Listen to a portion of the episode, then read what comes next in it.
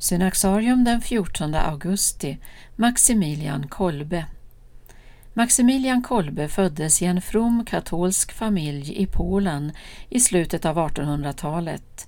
Hans far avrättades som förrädare under första världskriget på grund av sitt engagemang för polsk självständighet och hans mor blev efter sin mans död benediktinnunna.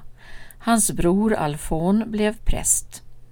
Som barn lär Maximilian Kolbe ha varit vild och något av en prövning för sina föräldrar. Men tolv år gammal, i samband med sin första kommunion, fick han en vision som förändrade hans liv. Han såg Guds moder Maria. Han berättar följande. Jag frågade Guds moder vad det skulle bli av mitt liv. Då höll hon fram två kronor, den ena vit och den andra röd. Hon frågade om jag var villig att ta emot någon av kronorna. Den vita betydde att jag skulle leva ett liv i helighet och den röda att jag skulle bli martyr. Jag sa att jag var beredd att ta emot dem båda. Maximilian Kolbe blev präst och franciskan och den kommunitet han tillhörde i Polen hade 1938 mer än 800 bröder, den största i världen i sitt slag vid denna tid.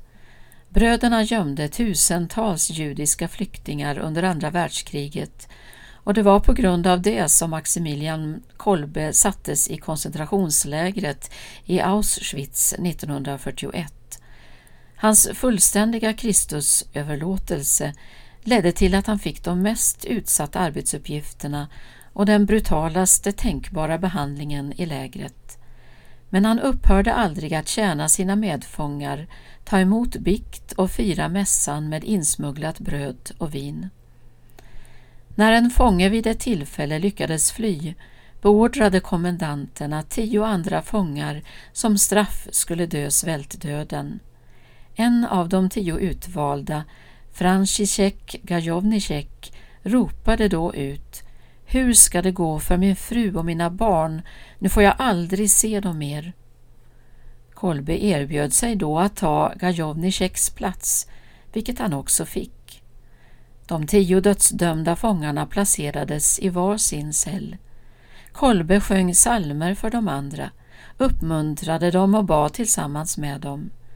Efter två veckor var bara Kolbe och tre medfångar kvar i livet. Då dödades de med en giftinjektion. Kolbe dog den 14 augusti 1941.